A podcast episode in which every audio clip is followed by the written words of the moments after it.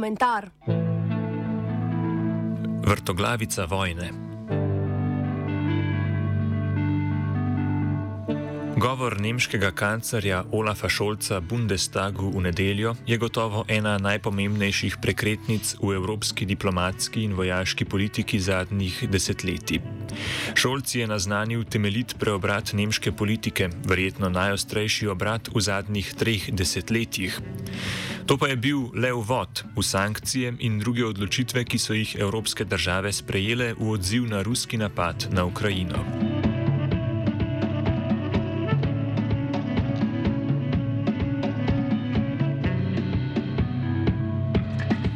Nemčija je napovedala drastično povečanje obramnega proračuna, ki bo od sedaj presegal v NATO predpisana 2 odstotka bruto domačega proizvoda, kar pomeni dvig za tretjino. Za primerjavo, to je približno toliko, kot se je ameriški proračun za obrambo povečal v treh letih med letoma 2001 in 2004, torej po 11. septembru in napadu na Irak. Država bo ustanovila poseben sklad, težek 100 milijard evrov, ki bo namenjen nakupu in razvoju nove opreme za Bundeswehr.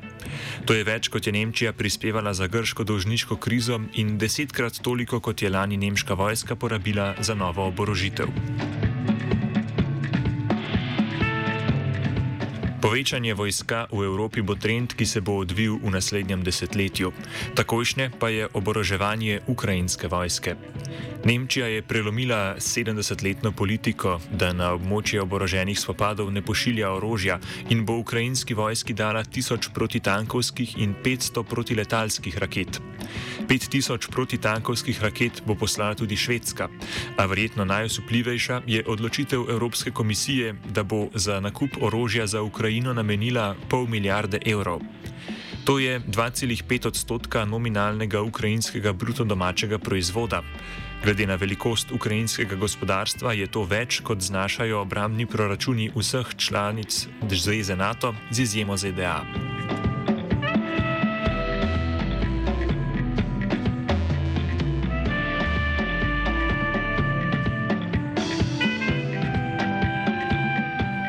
Ne na zadnje pa so tu finančne in gospodarske sankcije, ki so jih evropske države uvedle proti Rusiji. Te so precej ostrejše od pričakovanih. Najbolj dramatična je zamrznitev rezerv Ruske centralne banke in nacionalnega premoženskega sklada v evropskih finančnih institucijah. Njihov namen je Rusiji onemogočiti, da omili učinek sankcij na svoje gospodarstvo z ogromnimi rezervami, ki si jih je prav v pričakovanju zahodnih sankcij država nabrala v zadnjih osmih letih.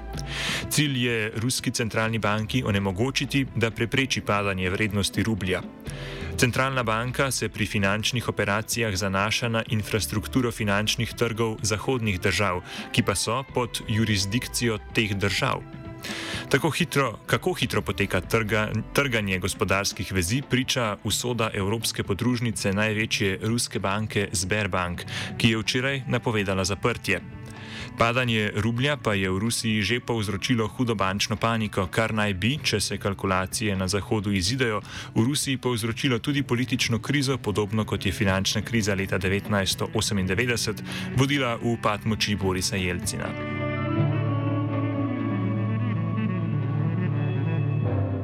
Vsa našteta področja pričajo o tem, da so evropske države med vikendom drastično zaostrile svojo politiko do Rusije. Do tega verjetno ne bi prišlo, če bi bila ruska vojska v Ukrajini tako uspešna, kot je bila pred osmimi leti na Krimu. A ruska vojska, ki se do sedaj v svoji agresiji na Ukrajino ni posluževala tako obsežne uporabe težke artilerije, kot ji narekujejo njena doktrina in izkušnje, ni uspela zlomiti odpora ukrajinske vojske. Utrpela je znatne izgube, ukrajinska vojska pa je v uspehu našla motivacijo za vse srditejši odpor. Vojna je vsaj za zdaj utrdila tudi politični sistem v Ukrajini in predvsem predsednik Volodimir Zelenski je s tem, da v nevarnih razmerah ostaja v Kijevu, močno povečal svojo legitimnost.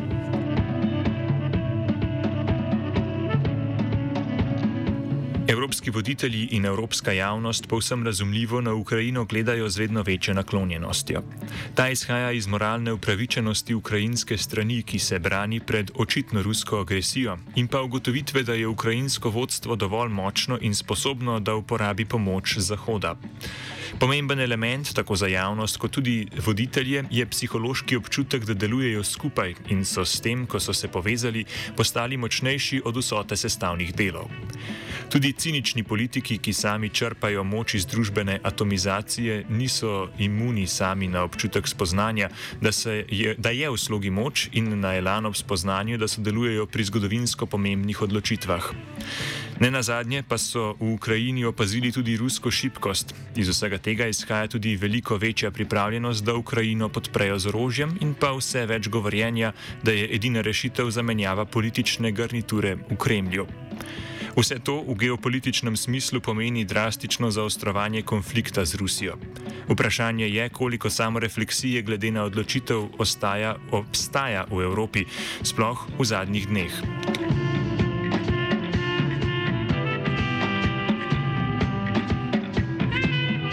Logika vojne ruski strani diktira naj uporabi več ognja, kar pomeni več žrtev in poglobitev sovražnosti, tako na politični kot tudi čisto osebni ravni. Z eskalacijo intenzivnosti vojskovanja se bodo poglobile tudi dolgoročne politične in družbene posledice vojne. Možen nabor poti, ki bi, vodil, ki bi vodil v mir, pa se bo zožil.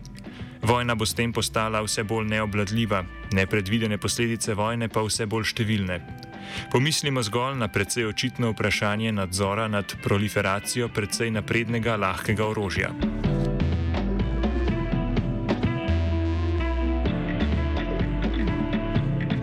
Najimenitejša manifestacija posledic vojne v državah Evropske unije je za zdaj več kot pol milijona ukrajinskih beguncev. Nedvomno pozitivno je, da so deležni spoštljive obravnave, kar pa je v evropski migranski politiki očitna izjema. Izjave o pravih in civiliziranih beguncih, kot so jih izrekli tudi ministri slovenske vlade, pričajo o rasizmu, ki vsaj desetletje zaznamuje evropsko soočanje z migranskimi tokovi iz držav globalnega juga. A kljub svetlejši polti Ukrajincev je treba dvomiti o tem, ali bodo ti begunci čez leto, ko bodo begunski centri še vedno polni, intenzivnost spopadov v Ukrajini manjša, stroški za evropske države pa večji, še vedno sprejeti z enako dobrohotnostjo.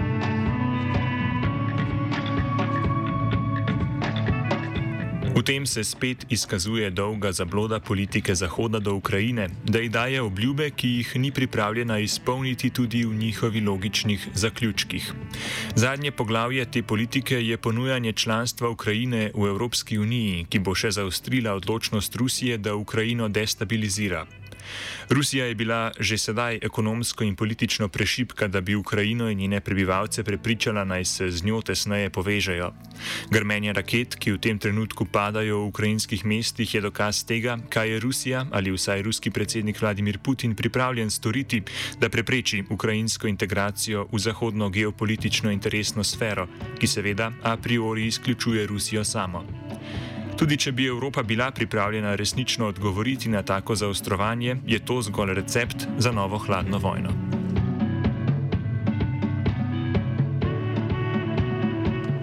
Komentiral je Gal.